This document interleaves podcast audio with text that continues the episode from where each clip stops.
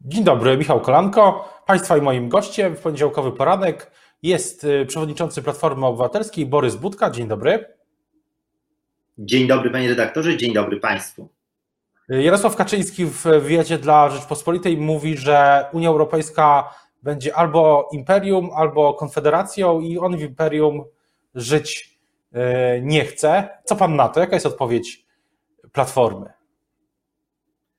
Przede wszystkim to jest znowu straszenie Unią Europejską. Jak Jarosław Kaczyński nie ma pomysłów na Polskę, nie wie jak rozwiązywać problemy pandemiczne, czyli nie wie również e, o tym, e, co zrobić w najbliższej przyszłości, no to e, tak się, tak się dzieje i będzie straszył. Nie rozumie Unii Europejskiej, nie rozumie, że jest to wielki europejski projekt, że to również poczucie bezpieczeństwa i dlatego formułuje tego typu e, zarzuty. To podobnie jak formułuje zarzuty dotyczące Komisji Europejskiej. A chcę przypomnieć, że to dzięki zaangażowaniu polskiego rządu na czele Komisji Europejskiej stoi mm, e, osoba rekomendowana e, przez kanclerz Angelę Merkel, bo pierwotny pomysł był zupełnie inny.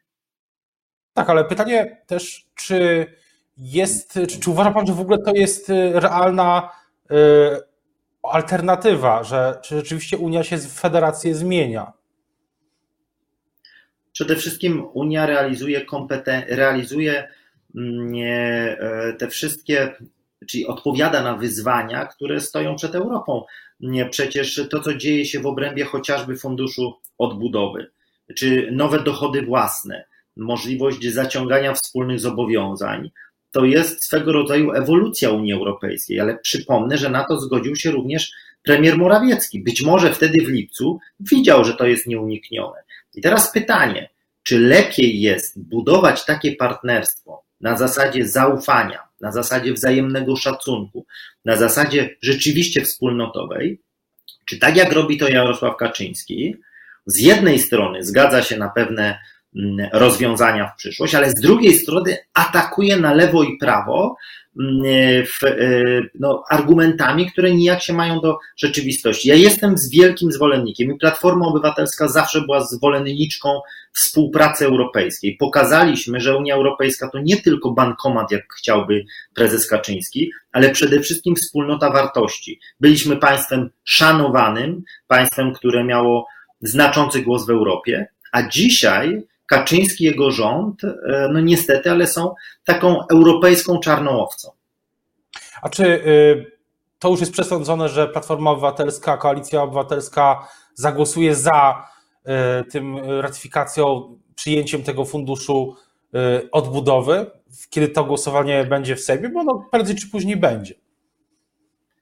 Mówiliśmy, że zawsze będziemy wspierać racjonalną, dobrą politykę zagraniczną rządu. I dzisiaj, jak słyszę takie głosy niektórych komentatorów, którzy mówią, to jest szansa na to, by zagrać na nosie PiSowi albo doprowadzić do upadku rządu głosowanie przeciwko temu funduszowi. No to i kiedy coś takiego słyszę, to we mnie burzy się krew. Są granice mm, politycznych, politycznego wyrachowania. Jeżeli E, ten e, ratyfikacja zostanie przedstawiona w formie takiej, jak zostało to uzgodnione na szczycie, tak jak zaakceptował to Parlament Europejski, to będziemy to popierać, bo to jest w interesie polskiej gospodarki, to jest w interesie Polaków, a nie tego czy innego rządu.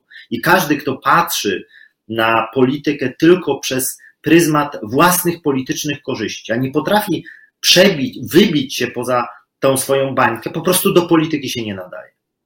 Ale wracając jeszcze na chwilę do tego, co y, proponuje Polakom Jarosław Kaczyński, to pytanie jest o zmiany w sądownictwie, bo on e, deklaruje, że będą i że sądy są zależne obecnie od y, Platformy Obywatelskiej, od, e, i że to widać w niektórych decyzjach.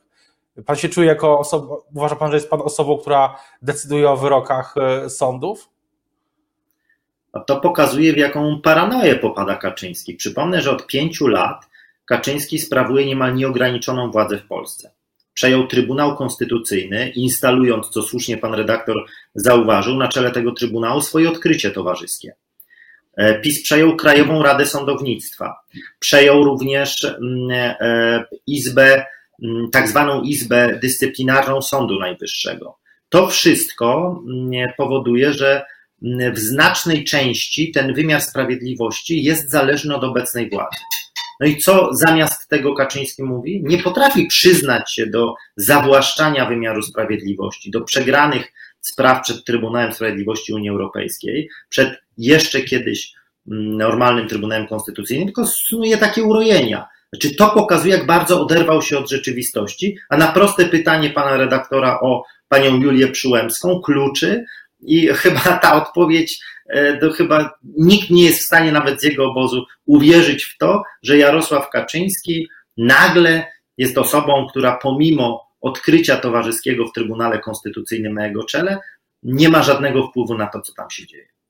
Ten e, wątek dotyczący Trybunału pojawił się ze względu na decyzję Trybunału, która zapadła 22 października dotyczącą aborcji. Do tego tematu może jeszcze wrócimy, ale wracając na chwilę do tej odpowiedzi, bo jedno, jedna rzecz e, jest e, w zasadzie przesądzona, tak mi się wydaje, że rzeczywiście prędzej czy później w przyszłym roku, czy w styczniu, czy w lutym, czy w maju, to bez, teraz bez znaczenia, pojawi się ustawa lub ustawy dotyczące sądownictwa. No i czy, czy, czy będzie, jaka będzie wtedy odpowiedź? Czy, czy będzie też alternatywa, dotyczy, alternatywa koalicji i całej opozycji?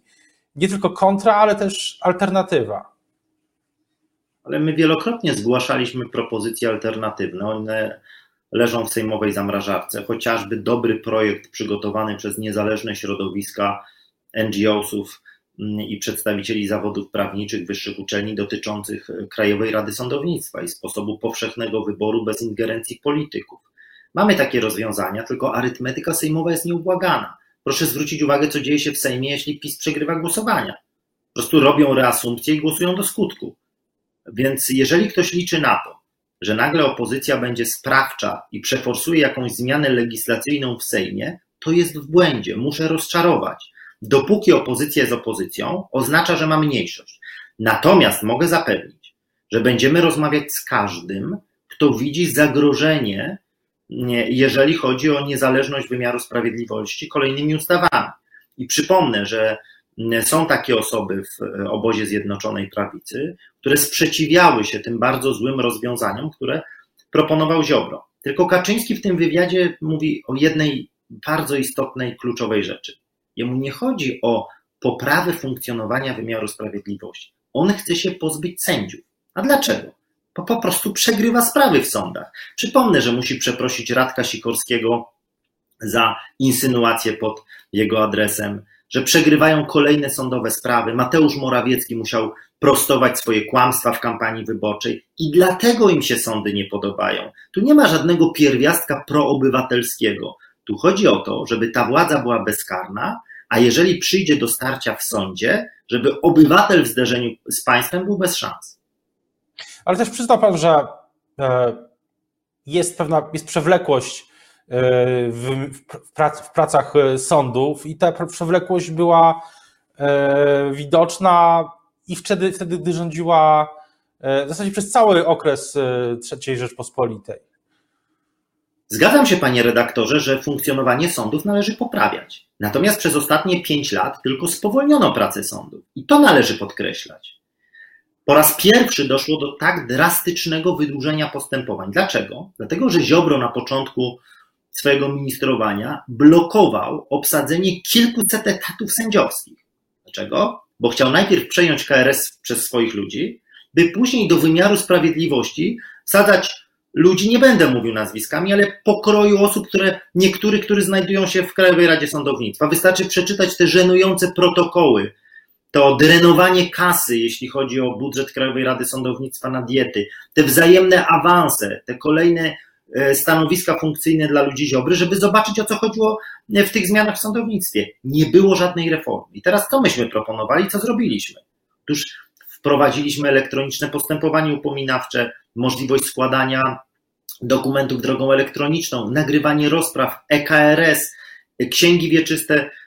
To wszystko wprowadziliśmy po to, by usprawnić postępowanie. Nagrywanie rozpraw spowodowało, że strona, która uważa, że została niesprawiedliwie potraktowana, miała płytę w ręce z nagraniem i wizji, i fonii. I co? I Ziobro zaprzestał tego typu działań, które służyły obywatelom, a skupił się tylko na kadrach. I dlatego ja jestem jak najgorszej oceny. Dlaczego? Bo diagnoza jest słuszna. Trzeba reformować, poprawiać funkcjonowanie każdego aspektu życia publicznego, by służył obywatelom. Wykonanie przeciwskuteczne. Wracając jeszcze na chwilę do samej Unii, no bo jest tak pytanie, czy, czy jeśli pojawią się nowe propozycje integracyjne, bo wspólny dług to już jest integracja, to, to czy Platforma będzie popierała dalszą, głębszą integrację europejską, na przykład poprzez yy, no, nowe rozwiązania instytucjonalne, czy, czy, czy, które mogą paść w przyszłym roku, na przykład na tle też e, wychodzenia z pandemii koronawirusa. Jesteśmy chyba najbardziej proeuropejską partią na polskiej scenie politycznej. Pokazaliśmy najpierw negocjując budżety dla Polski, a później mając pierwszego przewodniczącego mm, parlamentu z tej części Europy, pierwszego przewodniczącego Rady z tej części Europy, że potrafimy skutecznie zabiegać o polskie interesy. Integracja europejska to bezpieczeństwo Polaków. To przede wszystkim bezpieczeństwo e, w kategoriach i ekonomicznych, ale również militarnych, bo ten projekt, który najpierw był wspólnotami europejskimi, przekształcił się w Unię Europejską właśnie po to, by na kontynencie nigdy nie doszło do wojny. I teraz trzeba zadać sobie pytanie, co jest alternatywą. Jeżeli kraje Europy chcą dalej współpracować, rozszerzać tę współpracę, widzą, że ta różnorodność jest napędem dla gospodarki, ale również dla kultury, sztuki, napędem, który jednocześnie e, wyrzuca gdzieś na bok środowiska skrajne, to jeżeli nie chce, jeżeli ten rząd nie chce dalszej integracji, to co jest alternatywą? No Putin, Moskwa, nie ma w tej części Europy żadnej innej alternatywy. Jakieś trójmorze, gadanie tych banialuków, to jest przecież absolutnie niemożliwe do realizacji.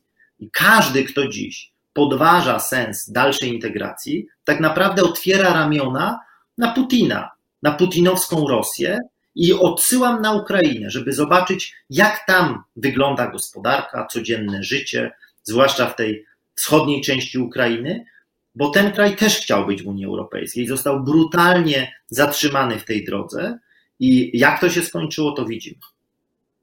Czyli trzeciej drogi nie ma. Nie ma.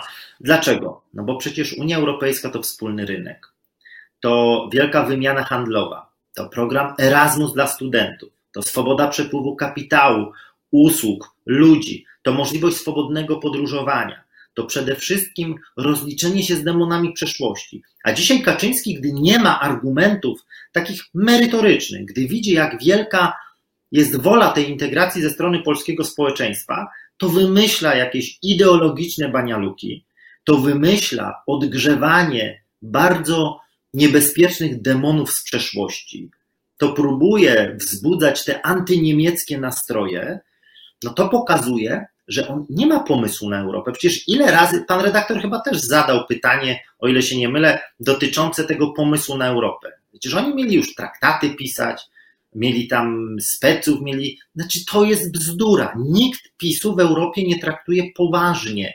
Jest w maleńkiej frakcji eurosceptyków, nazywa się konserwatystami, z konserwatyzmem Kaczyński ma tyle wspólnego, co z demokracją, ale ponieważ no, taki przyjął takie, taką próbę oszukania opinii publicznej, no to jest we frakcji konserwatywnej, jest we frakcji antyeuropejskiej. Jedynym porządnym sojusznikiem był, byli konserwatyści brytyjscy, gdzie są? Poza Unią Europejską. Orban wystawił Kaczyńskiego, więc jeżeli Kaczyński myśli, że on zmieni Unię Europejską, no to to są naprawdę banialuki.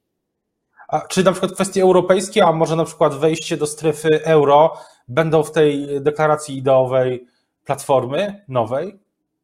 Ta dyskusja dotycząca euro to jest dyskusja, która musi odbywać się spokojnie, a nie gdy mamy do czynienia z rządem skrajnych populistów. Bo dzisiaj Kaczyński wykorzysta wszystko, każdy, każdą próbę dyskusji o przyszłości do podziału Polaków. Przecież wchodząc do Unii Europejskiej zobowiązaliśmy się jako kraj, że prędzej czy później przyjmiemy wspólną walutę. I trzeba rozmawiać o zagrożeniach i korzyściach. Trzeba rozmawiać na poziomie eksperckim. Trzeba pokazać, czy życie w krajach, które przyjęły tę walutę, poprawiło się czy pogorszyło. Ale taka merytoryczna dyskusja będzie możliwa dopiero, kiedy będziemy mieli na powrót media publiczne, a nie pisowskie. Na powrót będzie możliwa dyskusja w parlamencie, a nie ucinanie po minucie wypowiedzi, i wtedy możemy podjąć takie intelektualne wyzwanie. Jestem wielkim orędownikiem tego, by zacząć rozmawiać o przyszłości Polski, ale na poważnie, o wyzwaniach klimatycznych, o kwestii przyjęcia e, wspólnej waluty, o kwestii integracji europejskiej, o problemach rynku pracy, o kwestiach związanych z szansami ludzi młodych, o programie senioralnym, czy też o kwestiach emerytalnych. Co funduje nam Kaczyński? Tylko ideologiczne starcie, bo nie ma innego pomysłu na Polskę. A na ile e, w tej nowej, ta nowa deklaracja spozycjonuje jakoś na nowo platformę i czy w platformie jest w ogóle spór wokół niej? Nie ma żadnego sporu, ale odkąd pamiętam, odkąd platforma powstała, to zawsze, chyba każdego roku, jest taki ulubiony temat publicystów, żeby mówić o sporach w platformie. My robimy swoje, pracujemy. Deklaracja ideowa to jest część większej całości programu Platformy na nowe wybory, to jest kwestia sposobu działania, funkcjonowania, komunikowania się. Jesteśmy po 20 latach od założenia Platformy. Zmienił się język, zmieniła się Polska, jesteśmy w Unii Europejskiej, ale przed nami są nowe wyzwania. Nic nie będzie już takie samo jak 20 lat temu. Również deklaracja ideowa. Platforma jest partią środka. Oczywiście zawsze jest ciężko, gdy są wojny ideologiczne, bo wówczas skrajności dochodzą do głosu i dlatego Kaczyński tak próbuje, gdy zdradził centrum, zdradził wyborców konserwatywnych, proponując mm, narodowo-socjalny program, e, zdradził własność prywatną, propaguje gospodarkę opartą na skrajnym centralizmie, na etatyzmie, na zawłaszczaniu przez państwo kolejnych dziedzin życia gospodarczego, to nagle wchodzi w spór światopoglądowy, ale to mu nie wystarczy, bo nikt poważny, żaden konserwatysta nie uwierzy, że człowiek, który nie szanuje własności prywatnej, trójpodziału władzy, zasady pomocniczości, ma poglądy konserwatywne. To jest nawet uderzenie w społeczną naukę Kościoła, bo Kaczyński zapomniał, że w społecznej nauce Kościoła zasada subsydiarności, poszanowanie własności prywatnej i indywidualizm człowieka są podstawowymi wartościami, które on podeptał. Na ile, na ile, a czy jest Pan zaskoczony tymi głosami, bo powiedział Pan w ubiegłym tygodniu, że nie będzie w tej deklaracji wprost y, y, odwołań do, czy wprost słów o aborcji. Czy, czy jest Pan zaskoczony tym rozczarowaniem, że Platforma się w tej deklaracji tak nie określi? Ale można się bardzo prosto określać w sprawach światopoglądowych, w których zarówno zmieści się liberał, jak i konserwatysta, jeżeli mówimy o wolności człowieka, o niezbywalnej godności, o tym, że człowiek ma wolną wolę, swobodę sumienia i może wybierać. Przecież o to chodzi w nowoczesnym programie, by stawiać na człowieka, by stawiać na ludzką pracę, też zakorzenioną w społecznej nauce Kościoła, ale by stawiać przede wszystkim na państwo, które nie chce narzucać żadnej ideologii nie chce narzucać religii, nie chce narzucać tego, czy dzieci mają chodzić na religię, czy nie. Nie chce narzucać tego, co ludzie mają oglądać w telewizji. Nie narzuca organizacjom pozarządowym, jak mają działać. Jeżeli wyjdziemy od indywidualizmu, tu jest zderzenie z tym etatyzmem, z tym skrajnym upaństwowieniem Kaczyńskiego. Dzisiaj mamy do wyboru Polskę samorządną, Polskę, która oparta jest na zasadzie pomocniczości, Polskę europejską, Polskę, która szanuje różnorodność, czy właśnie państwo robione na wzór PRL-u BIS, czyli państwo Kaczyńskiego, w którym na Nowogrodzkiej ważą się wszystkie decyzje, tam są podejmowane, w którym nawet dziura w drodze, mm, czy, czy droga lokalna zależy od widzimisię tej władzy, tak było z Funduszem Inwestycji Lokalnych. No i to jest wielkie wyzwanie. Nie ma alternatywy dla Polski samorządnej. Jeżeli ktoś dziś twierdzi, że lepiej jest zarządzać z Warszawy, że lepiej jest rozdawać pieniądze z Warszawy, dawać swoim, a innych mm, e, pomijać, to to jest myślenie takie, jak mieli komuniści do 89 roku i na tym przegrali. Państwo centralistyczne już raz zbankrutowało i zbankrutuje raz jeszcze, jeżeli Kaczyński nie zejdzie z tej, z tej złej drogi. Myśli pan, że już na koniec pytanie, czy 2021 przyniesie jakieś nowe fakty polityczne, jeśli chodzi o opozycję, jakąś e, konsolidację, e, może transfery, albo e, takie porozumienie jak na Węgrzech z, z kandydatem na premiera całej opozycji? Robimy wszystko, by w ramach opozycji mieć jak najlepsze relacje. Ja jestem wielkim przeciwnikiem ogłaszania premierów, liderów, bo ja pamiętam, jak skończyli ci, którzy byli premierami z Krakowa albo ogłaszali się liderami opozycji. Jeżeli będziemy opierać te relacje na wzajemnym zaufaniu oraz na tym, że mamy wspólny cel, a osobiste ambicje idą na bok, to naprawdę zbudujemy coś dobrego. W systemie Donta preferowane są ugrupowania większe. Dlatego zrobię wszystko i to mogę obiecać przedświątecznie, byśmy byli jak najbliżej wspólnej listy opozycji. Będę do tego zachęcał moich przyjaciół zarówno z tej lewej strony, jak i umownej prawej strony, bo Platforma jest i pozostanie partią środka, a jako największe ugrupowanie opozycyjne mamy wielkie zobowiązanie, żeby doprowadzić do tego, by na partnerskich zasadach zbudować dobrą koalicję. Ja jestem dobrego zdania. Na koniec tylko wspólna lista, ale na przykład kiedyś mówił Pan o dwóch e, blokach. E, czy, czy na przykład widzi Pan że, e, kształtowanie się takich bloków? Na przykład widzę współpracę, ja widzę współpracę Platformy ostatnio w Sejmie częściej z Lewicą niż z PSL-em, a PSL za to wysyła sygnały wobec ruchu Szumana Hołowni, więc dwa bloki Pan by zaakceptował jako układ sił, oczywiście poza Konfederacją, bo ona jest w innym trochę miejscu wszystko jest przed nami, ale ja bym nie przesądzał ostatecznego kształtu. Rzeczywiście wydaje się wydają się na pozór optymalne dwa bloki, ale jeżeli dojdzie do czegoś takiego, że będziemy mieli umowny PiS, a obok niego konfederację na przykład z Ziobro, to może się okazać, że przy dwóch blokach zabraknie e, po prostu głosów w parlamencie przy systemie Donta. Dlatego trzeba być bardzo uważnym, dlatego trzeba budować relacje nie wywyższać się, nie pokazywać, kto jest silniejszy. Ja wyciągnąłem wnioski z przeszłości. Ja wiem doskonale, co może razić w polityce. Ja jestem osobą, która każdego, bez względu na to, czy jest ugrupowaniem, które nie ma żadnego doświadczenia, które jest ugrupowaniem, które ma wielkie doświadczenie w polskim, na polskiej scenie politycznej, każdego traktuje tak samo. Po przyjacielsku, po partnersku i chciałbym, żeby właśnie w oparciu o te relacje budować przyszłość polskiej opozycji, bo jeżeli na takich wartościach zbudujemy, partnerskich, przyjacielskich, to jesteśmy w stanie zbudować dobrą alternatywę, a Senat pokazał, że jest możliwe pokonanie PiSu, kiedy działa się razem. O tym, co będzie w 2021 roku, ale też e, co jeszcze w tym roku nas czeka, będziemy o tym na pewno rozmawiać. Teraz bardzo dziękuję za rozmowę. Państwa i moim gościem dzisiaj był Borys Budka, przewodniczący Platformy Obywatelskiej. Dziękuję bardzo. Miłego dnia. Dziękuję bardzo i spokojnych, zdrowych świąt dla Państwa czytelników i naszych widzów i słuchaczy. Dużo zdrowia.